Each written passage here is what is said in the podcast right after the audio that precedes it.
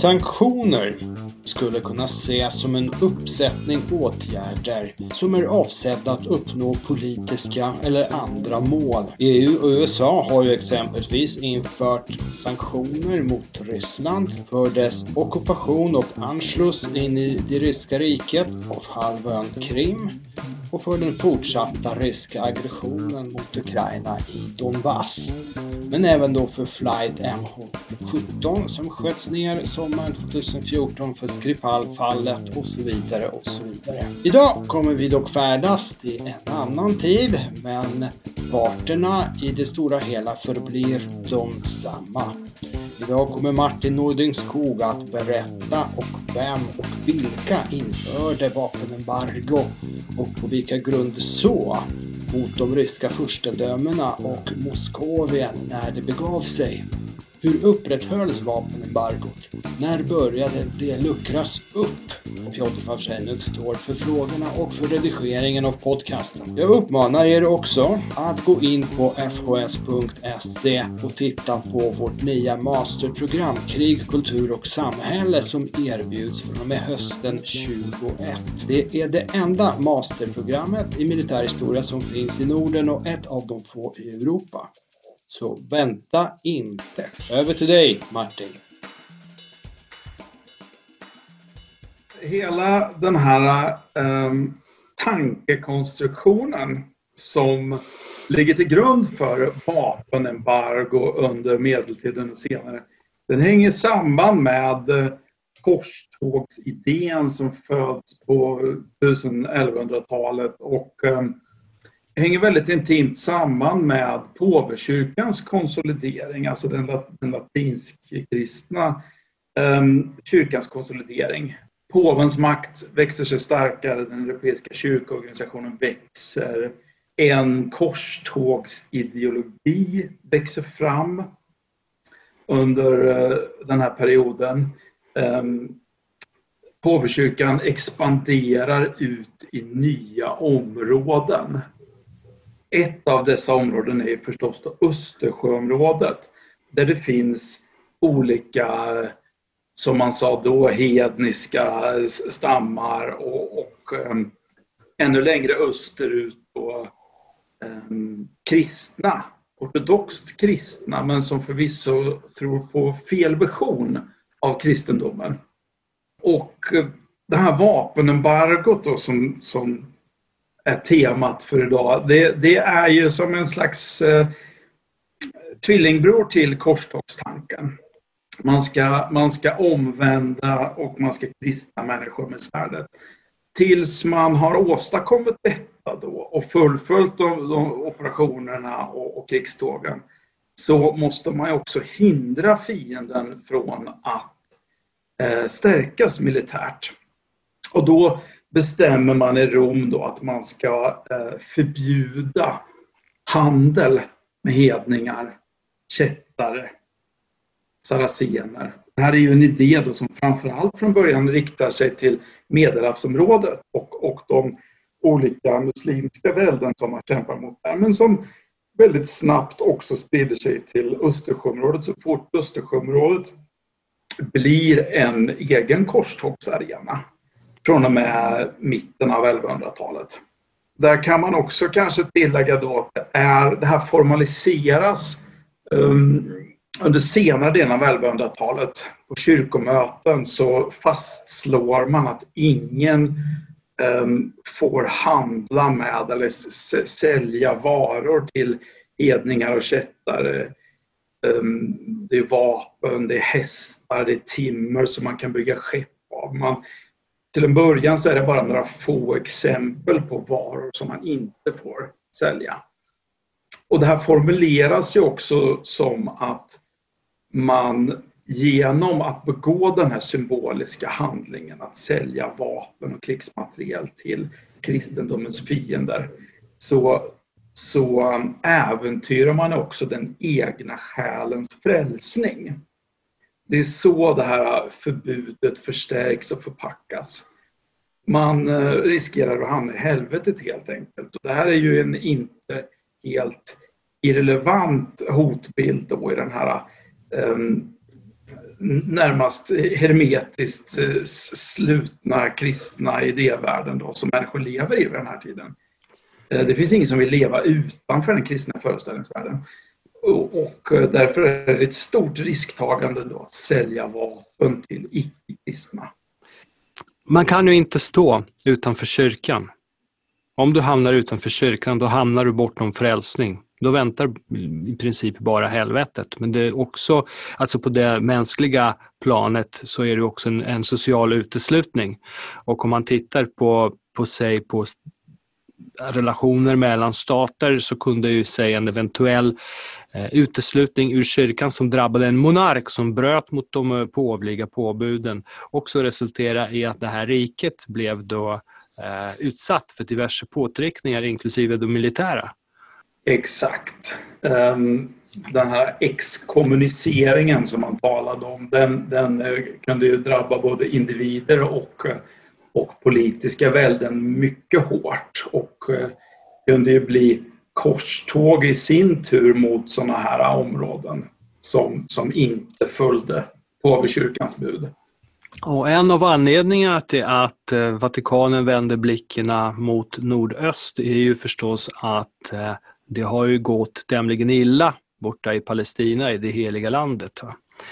Och det finns en del sysslolösa personer som tidigare eh, sysselsatt sig med, med, med militär och annan verksamhet i regionen som nu finns då att tillgå och så råkar man återupptäcka de, de hedniska folk, alltså de icke-kristna folk som fortfarande finns i regionen som preussare och förfäder till dagens eh, litauer, letter och, och ester.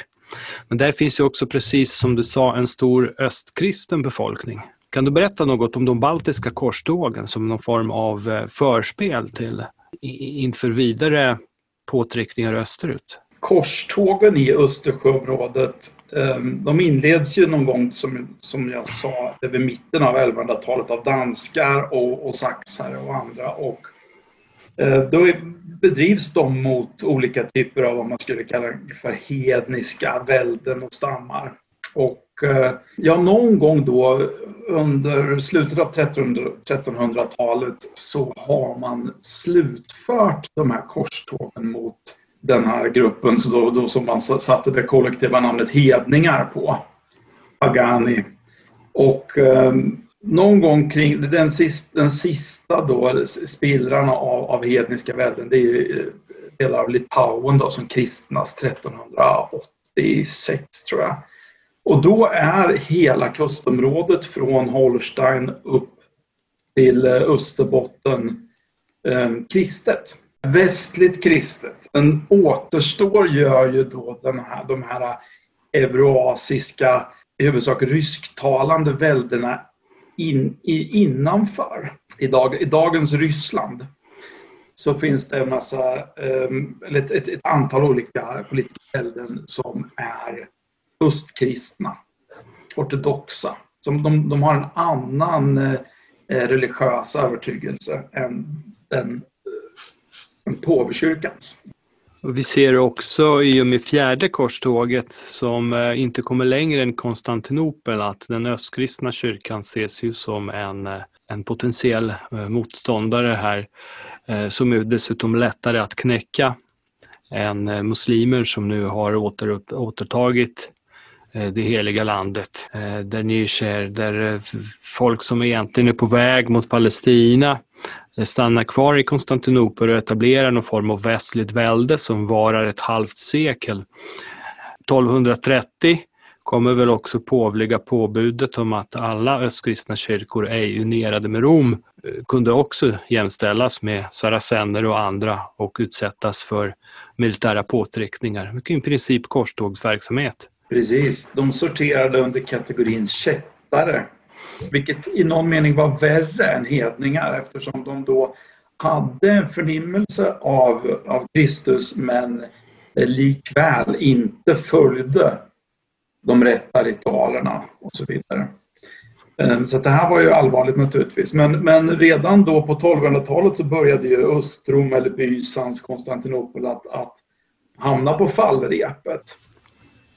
Och när, när det föll 1453 så, så fortlevde ju egentligen um, den ortodoxa kyrkan i huvudsak i, i, um, ja, i, i det ryska området och i delar av Östeuropa, Sydösteuropa.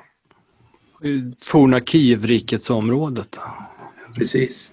Så vi har eh, embargo som eh, också potentiellt sett ska hindra, om vi pratar om 1200-talet, vapenembargo som potentiellt sett ska hindra eh, stöd till förmodade potentiella eh, militära motståndare i och med korstågsverksamheten.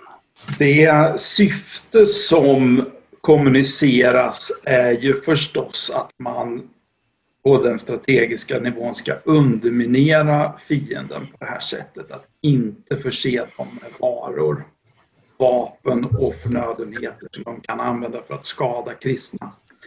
Men sen finns det de också som har hävdat att det här är en eh, påvlig strategi för att skapa ordning i den kristna världen. Att, att skapa kategorier, vi och dem. Ehm, um, den här beröringsskräcken och, och idén om att det smittar ehm, uh, otrohet och, och kätteri eh, är, eh, är smittsamt. Att, att, att den, den kristna flocken får inte ehm, um, frottera sig med icke-kristna. Och då är ju handeln naturligtvis en del av det här. Um, handeln, det sker ju, man brukar prata om att det sker en kommersiell revolution under 1000, 1100, 1200-talet i Europa. Um, ekonomin blomstrar och den långväga handeln intensifieras starkt. Och det är också i skenet av den som man måste se eh, det här påvliga embargot. Embargot um, går ju egentligen ut på då att man inte egentligen får ha någon handel alls med icke-kristna. Uh, för de här icke-kristna idéerna, de smittar så att säga. Men ehm, på många håll då så är det ju omöjligt att hindra eh, handel, att så att säga blockera handelsströmmarna. Och ehm, ganska snart då på många håll i Europa och i synnerhet i Östersjöområdet så, så um, inför man istället ett vapenembargo där man säger att i fredstid så är det okej okay att handla med icke-kristna i ska vi säga, harmlösa varor eh, som inte kan användas för militära ändamål. Medan det råder ett permanent förbud mot vapenhandel. Vapen och strategiska varor. Men här finns det ju under hela medeltiden då ett, ett problem. Definitionerna av vad som är strategiska varor. I Östersjöområdet så, så, så växer ju Hansan upp från sent 1100-tal och, och ehm, etableras i stor skala från och med 1200-talet som en stor internationell eh, handelsorganisation som kanaliserar handeln eh, i Östersjöområdet och norra Europa. Och den är ju i hög grad beroende av ryska varor. Alltså Ehm, handeln västerut med ryska varor. Som du säger, kära, hampa, linne. Ehm, mycket av det här är ju varor som sen kommer att få otroligt stor betydelse när eh, seglande flottor börjar byggas i slutet av medeltiden. Ehm, lin, lin och eh, ...canvas-tyger för att tillverka segel, hampa för att tillverka rep och tross och um, kära naturligtvis för att ehm, bearbeta fartygstimret. Eh, eh, så det här är strategiska varor som, som man behöver i väst. Och eh, i retur då så skickar man till det ryska området eh, framförallt tyg, västeuropeiskt yllekläde, salt och silver. För handelsbalansen i Östersjöområdet är alltid negativ. Många skepp som går österut för att hämta ryska varor, de går tomma eller endast lastade med silver. Ehm, så att det finns en, en ojämn handelsbalans här som gör att man i väst är beroende av tyska, eh, förlåt, ryska varor under hela medeltiden och under långt in i den tidiga moderna perioden. Och så den här handeln kan ju förstås inte stängas av helt och hållet bara för att påven tycker eller rekommenderar det. Utan då måste man hitta en handelsrestriktioner som går att kombinera med den kristna påvliga ideologin. Och då bestämmer man sig för att vapen och det som kan betraktas som strategiska varor ehm, är förbjudna att, att eh, föra till det ryska området. Okej, okay. och vilka var målsättningarna med det här embargot och dess olika typer? Förändrades dessa över tid? För vi, vi har ju det är en ganska lång period som vi tittar på, på över 300 år. Från, från början av 1200-talet och en, en god bit in mot 1500-talets slut. Ja, alltså den ideologiska överbyggnaden som ligger till grund för det här den eh, förhåller sig påfallande oförändrad över tid. Man säger ju redan då, de, de första, alltså det kan ju tilläggas att de första källorna i Östersjöområdet som försöker förbjuda, reglera den här handeln, eh, de kommer redan på 1220-talet. Eh, det är brev från påven till biskopar, svenska och, och livländska och tyska biskopar där han säger att i era stift så måste ni se till så att köpmän inte för eh, varor av, av militär nytta till de här hedniska ryssarna. Och um, det framhålls då att de är kristendomens fiender och de är kättare och de Ehm, de vill oss illa. Vi får inte ge dem vapen.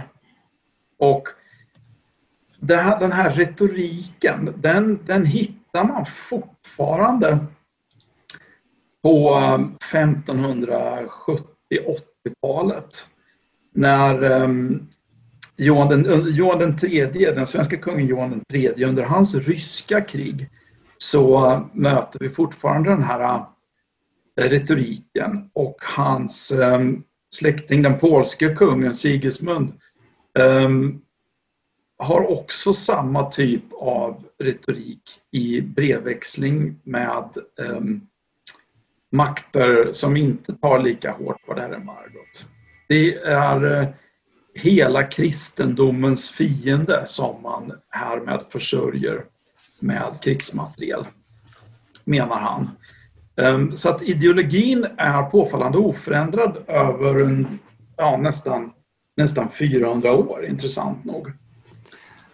Men de strategiska målsättningarna förändras ju så fort man um, har frångått den här korstågstanken så, så blir det mer och mer problematiskt att få det här embargot att funka på det internationella planet. Så länge korstågstanken, den här liksom internationella korstågstanken fortfarande är livaktig under 12-1300-talet så är det här enkelt. Men under 1400-talet ehm, när det då dessutom finns allt färre ehm, välden att föra korståg mot för att de flesta har blivit kristna. Då blir det allt svårare att motivera det här och förklara varför de där borta är annorlunda. Då blir det också allt svårare att förmå olika makter med kommersiella intressen att avstå från den här typen av handel.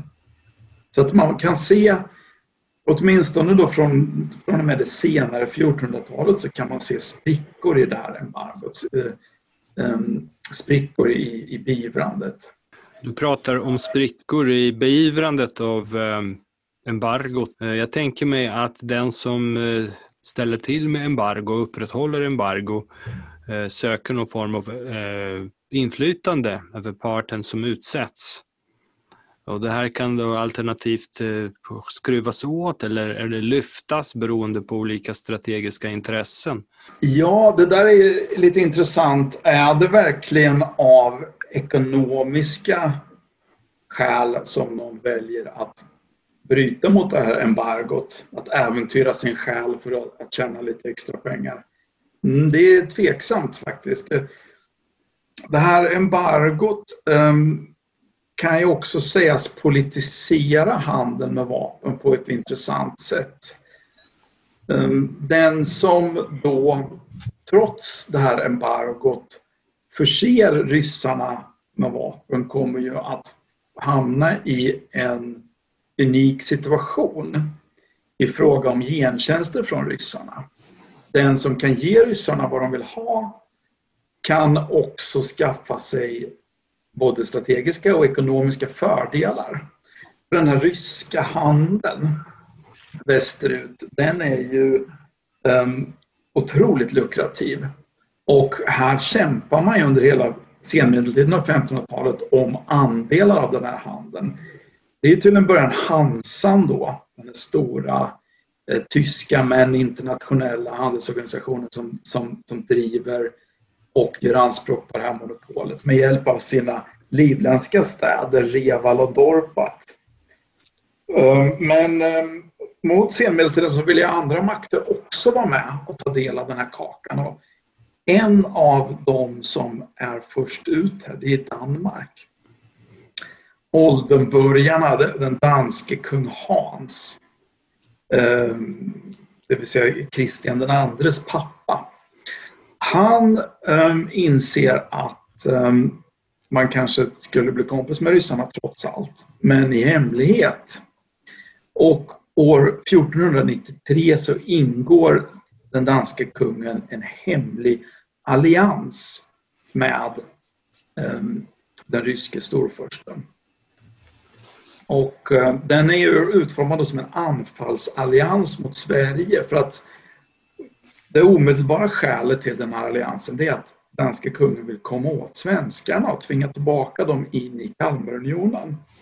Och han vill få ryssarna att anfalla Finland då för att han själv då ska kunna anfalla västra riksdelen av Sverige. Men i den här, det här det hemliga för dansk-ryska förbundet då, som varar i, i nästan 30 år, det förnyas flera gånger, så finns det också klausuler om öppen och fri handel och, och vi vet att ehm, med stor säkerhet att 1508 så skickade eh, kung Hans en, en vapensändning till Ryssland innehållandes kanoner och eh, militäringenjörer och vapen och så vidare. Och eh, det här skedde förmodligen flera gånger men, men vi har bara upptecknat att det, har, det ska ha avslöjats en gång. Men det här var ingenting som han erkände öppet den danske kungen att han skulle stå i förbund med, med, med ärkefienden i öster. Eller, eller kättarfursten i öster. Utan det här skedde ju i hemlighet. Om vi skruvar fram klockan lite till um, mitten av 1500-talet så har vi ett annat och kanske ännu mer oförblommerat exempel på brott mot det här embargot. Det är när engelsmännen upptäcker sjövägen till Archangelsk, alltså segelvägen över Vita havet ner förbi Kolahalvön och ner i um, dåvarande Moskvaväldets nor nordligaste utposter. Uh, snart så började man handla där på 1550-talet. Um, ehm, engelsmännen och ryssar. Engelsmän och ryssar. Och um, drottning Elisabeth av England försökte på alla möjliga sätt att få till så bra handelsavtal som möjligt med ryssarna och rent av överta Hansans gamla monopol på den ryska handeln. Det, det tycks ha varit den, den, den, långsiktiga målsättningen. Men vad tsaren Eh, Ivan den fjärde då vid den här tidpunkten ville ha i utbyte det var förstås militära förnödenheter, krigsmateriel och eh, framförallt då militära experter eh, ja, det vi kan kalla för, kan lite slarvigt kalla för ingen, militära ingenjörer. Eh, som kunde hjälpa honom att, blanda krut och gjuta kanoner och, och bygga Ehm, mm, faktorier för järnframställning och så vidare. men det här var ju någonting som man i det längsta försökte hemlighålla i England, att man höll på med det här. Man sa att man höll på, man sålde fisk och köpte rep och sådär, att det här var helt eh, fredlig handel. Men, men eh, det började ju visa sig sen då att då och då så kom det försändelser av både vapen och militära experter till England. Och man måste föreställa sig att all eh, sån här, den här typen av förbjudna vapenhandel, den skedde ju naturligtvis i hemlighet. Så att det är klart att det är svårt idag dessutom att hitta källor som kan belysa detta. Och eh, de källor som står oss till buds, det är de relativt få fall då det här på ett eller annat sätt har avslöjats. Men det finns flera sådana exempel då. Det finns också korrespondens mellan drottning Elisabet och Ivan den fjärde som belyser detta. Att eh, tsaren krävde och drottningen tillgodosåg dessa krav. Martin, jag, har, jag läste i, i din artikel att även Sverige bröt mot embargot. Kan du berätta någonting mer om detta? Ja, vilka skurkar va? Ja, re, redan under sent 1400-tal så, så dyker det upp människor i Stockholm som ställs inför rätta för, och anklagas för att ha sålt kanoner och harnesk till ryssarna, men de svär sig fria från detta. Sen internationellt så går det rykten om att svenskarna skulle ha sålt um, koppar och bly och så vidare till ryssarna. Men det här blir mer och mer påtagligt då under Gustav Vasas senare, senare regeringstid. Han är ju väldigt intresserad av handel ehm, och vill försöka att få igång en intensifierad svensk handel österut. Att, att ta andelar av Hansans handel. Viborg i östra Finland, längst in i, i Finska viken, fungerar ju som ett svenskt Eh, regionalt centrum för handel. Och här så skissar Gustav Vasa på att man ska börja sälja svensk koppar i stor skala till ryssarna för att tjäna pengar och för att kunna komma åt, då, i huvudsak kanske genom byteshandel, komma åt deras strategiska varor, hampa, kära, vax och så vidare, som man behöver för inte minst uppbyggnaden av den svenska flottan som, som börjar då växa sig ganska stor och stark mot slutet av Gustav Vasas regeringstid.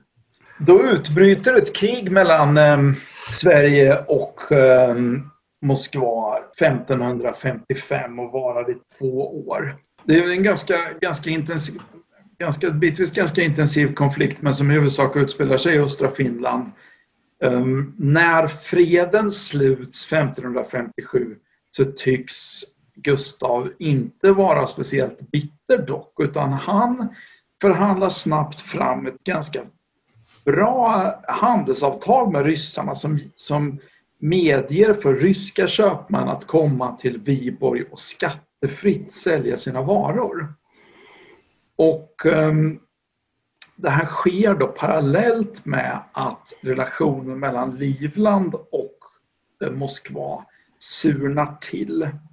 Och följande år så utbryter ju ett, ett ja, då utbryter det livländska kriget där då um, ryssarna invaderar Livland och då stängs ju handeln um, bitvis av helt mellan Hansan och Ryssland och då lyckas svenskarna få den ryska handeln att kanaliseras nästan uteslutande exklusivt till Viborg. Och under ungefär ett och ett halvt år då så blir det en handelsboom i Viborg där handeln ökar med ett par tusen procent. Även då tyska och andra köpmän seglar till Viborg för att köpa ryska varor. Och då är det eh, ganska mycket strategiska metaller i omlopp. Järn, ehm, koppar, bly som säljs av svenskarna Eh, till, till ryssar. By, byte mot strategiska varor i ganska stor omfattning. Ehm, så att svenskarna är inte speciellt eh, de följer inte det här gamla moraliska rättesnöret men samtidigt då så säger Gustav Vasa i brev till sina förtrogna att ni måste passa på dubbla bevakningen på Viborgs slott nu när det är så mycket ryssar i staden och Förty det här är um, de mest ohederliga av världens alla folk. Så att det, finns ju, det finns ju fortfarande inget förtroende för ryssarna från svenskt håll men handeln är så lukrativ att man helt enkelt inte kan släppa det här. Så man, man ser sig helt enkelt tvungen att handla med ryssarna för att vidmakthålla sin ekonomiska ställning i Östersjöområdet. Vi pratar om Gustav Vasas tid. Reformationen har inträffat. Sverige med flera länder blev protestantiska. Påven kunde, och hans påbud kunde man ignorera ganska glatt och helt och hållet. Eh, åtminstone i en fjärran del av, av Europa eh, som, som Norden. Eh, men hur kommer det sig att man vidmakthåller där embargot ändå? Funkar ja, det? Ja, men det där är så intressant för att under medeltiden när alla um, uh, riken och välden i Europa i den kristna gemenskapen um, omfattades av det här embargot och alla, alla lydde påven i Rom så var det ju ingen hög oddsare att man skulle följa det här eh, påvliga påbudet om embargo. Men, men det intressanta är att man i vissa fall fortsätter att göra det efter reformationen. I Sverige eh, genomtrumfas den 1527, några år senare i Danmark, 1525 i Preussen, ehm, i en lång process från början av 1520-talet fram till 1550 i Livland. 1525 så ehm, konverterar den sista tyska ordensmästaren i Preussen ehm, till den lutherska läran och ja, någon gång på 1530-talet så kan man säga att hela Östersjöområdet egentligen har blivit protestantiskt med undantag då för Polen som ju än idag är ett katolskt land som, som hörsammar påvens påbud. Nog för att vi då ser, som jag också nämnde tidigare, att den polske kungen är en av de mest starka beivrarna av det här påvliga embargot. Men man ser också att ja, Sverige då under Gustav Vasas tid och under sonen Erik XIVs tid så har man ju börjat luckra upp det här embargot lite och börja liksom tjuvsälja saker till ryssarna. Men när Johan den tredje kommer till makten 1568 då är han ju allierad med polackerna och väl kanske nästan rent av en, en en kryptokatolik. Han närde ju åtminstone en, en, en sån läggning att han, han var väldigt vänligt sinnad mot katolikerna. Han hade nog egentligen velat att Sverige skulle återvända till katolicismen. Men det är också under hans eh, tid under det ryska kriget som det påvliga embargot återigen vidmakthålls extra hårt i Finska vik av honom och hans kapare. Men, men eh, det är intressant då att eh, även då som sagt de andra protestantiska makterna fortsätter att erkänna det påvliga embargot. Så det finns någonting annat här får man förmoda utöver religionen som gör att man tycker att det är rimligt att inte förse ryssarna med vapen och strategiska råvaror. Nu är det så att embargot upplöses ju till slut. Den eh, det, det går eh, en stillsam död till mötes. Och vi ser eh, under 1600-talet hur, eh, hur moskovitiska eh, staten plockar på sig allt mer västerländsk militär expertis. Då, inte bara i form av materiel utan inte minst i form av människor som flyttar dit för att eh, eh leda viktig tillverkning och för att agera officerare och utbildare. Kan du berätta någonting om den här processen? Det påvliga dokument som under 1300-talet eh, ytterligare formaliserar ehm, vapenembargot, den heliga torsdagsbullan, den läses faktiskt fram till 1722 i eh, katolska kyrkor. Ehm, så att fram tills dess så är, vidmakthålls det här påvliga embargot i, i, i teorin och i den religiösa föreställningsvärlden i, i katolska länder. Men um, i, i Östersjöområdet då, då det inte längre finns så många katolska länder kvar, eh, under 1500-talet så, så börjar ehm, eh, så, så, så vidmakthåller man ju det här som det tycks av andra skäl. Under, eh, ja, från senare delen av 1400-talet när, när, när Moskva-furstendömet eh, slukar de andra eh, ryska väldena och, och det, det, som vi eh, senare känner som Ryssland börjar ta form politiskt. Då blir ryssarna också starkare militärt. Och de börjar också skaffa sig kunskaper om, om krutvapen och kanoner blir väldigt begärliga så vidare. Och ehm, det tycks då som att det här gamla religiöst konstituerade embargot mer och mer börjar få faktiskt den strategiska prägel som det en gång syftade till. Man, den ryska ehm, fienden i öster, ehm, um, kättarna då, som man såg dem som tidigare, de börjar ju faktiskt bli militärt farliga på allvar nu, vilket ju det livländska kriget då, som jag tidigare nämnde faktiskt visar. Eh, inte minst då när de får västerländskt militärt kunnande sig tillhanda. Och ehm, när man försöker att upprätthålla det här embargot under senare 1500-talet så tycks det vara en, en, en uppriktig rädsla för eh, ryssarnas växande militära makt.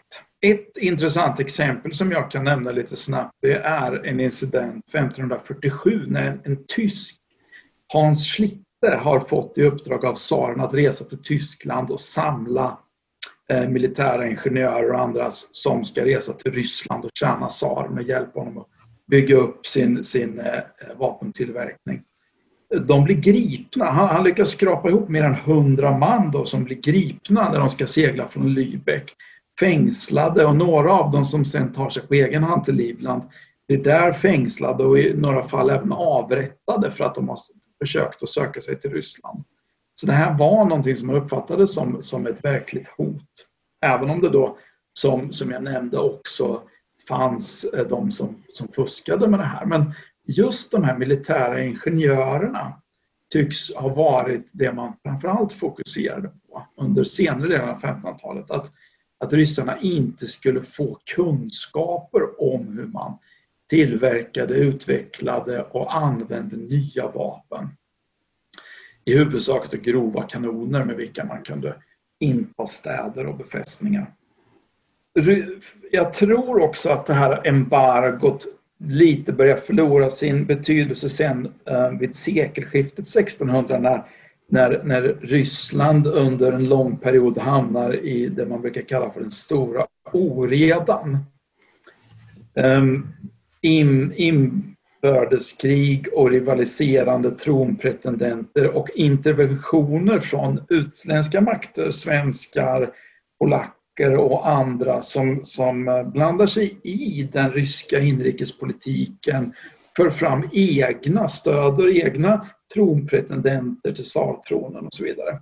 I och med Johan den tredjes tid så har svenskarna också knuffat tillbaka ryssarna um, i, både i Livland och i Finska viken. Uh, så att vid sekelskiftet 1600 så, så är ryssarna i hög utsträckning på reträtt. Och då tycks inte um, det militära hotet från ryssarna ha uppfattats som så allvarligt längre. Och tiden går och um, den politiska föreställningsvärlden hos europeiska makter förändras. Det, det seglar ju upp redan under sent 1500-tal och allt mer under tidigt 1600-tal också ett religionskrig i Europa mellan katoliker och protestanter som gör att fokus skiftar. Så på sätt och vis då så glömmer man av um, ryssarna, hotet från öster. Och, och um, på andra sidan då i slutet av 1600-talet så tycks det här embargot helt och hållet ha spelat ut sin roll. Vi vet ju till exempel att den unge Peter den store reste till Holland Eh, på 1690-talet för att lära sig skeppskonst och så vidare. Så um, det tycks vara um, det tidiga 1600-talet som blir vattendelaren här. Vi vet ju också att um, både franska um, i synnerhet uh, skotska, även engelska legosoldater um, tjänade tsaren i början av 1600-talet. Det tycks um, har förlorat sin betydelse där i början av 1600-talet, det här embargot. Vi pratade ju om att eh, embargo rådde på militär utrustning, men det var även en mängd eh, produkter som vi skulle kunna beteckna som strategiska som eh, egentligen krävdes för militär tillverkning av rang. Eh, vilka varor rörde det sig om? Ja, ja dels då um, det mest uppenbara då vapen och även rustningar. Där under 1400-talet så blir man allt mer explicit med vad man menar för att det inte ska råda någon tvivel om vad som är förbjudet. Och då räknas, då räknas det upp um, um, armborst och blankvapen och eh, eldhandvapen, ringbrynjor, plåtrustningar och så vidare. Ehm, men där ingår ju också förstås strategiska metaller. Dels då järn och stål som har en, en, en uppenbar militär funktion för att tillverka vapen och rustningar. Men också tenn, koppar, mässing som man använder för att gjuta kanoner. Och eh, naturligtvis också bly som används för att gjuta ammunition till finkalibriga vapen. Ehm, därtill också strategiska kemikalier. Det nämns ofta i källorna att det är förbjudet att skicka svavel och salpeter till Ryssland. Det är ingredienser som är nödvändiga för kruttillverkning. Den här listan då blir längre och längre och längre under 1400 och 1500-talet när, när eldhandvapen blir allt vanligare i krigföringen. Tack för din insats Martin och tack till er kära lyssnare för att ni orkade med oss ända hit. Och för att ni förstås medan ni lyssnade kontrollerade FHS hemsida för att se vad vårt masterprogram hade att erbjuda. Nu lämnar jag er ensamma med vapenembargo balalajkorna och vågar mig på en gissning att det nog inte var så det lät i de ryska furstendömena och Moskavien på den tid som diskuterades här. Tack och adjö!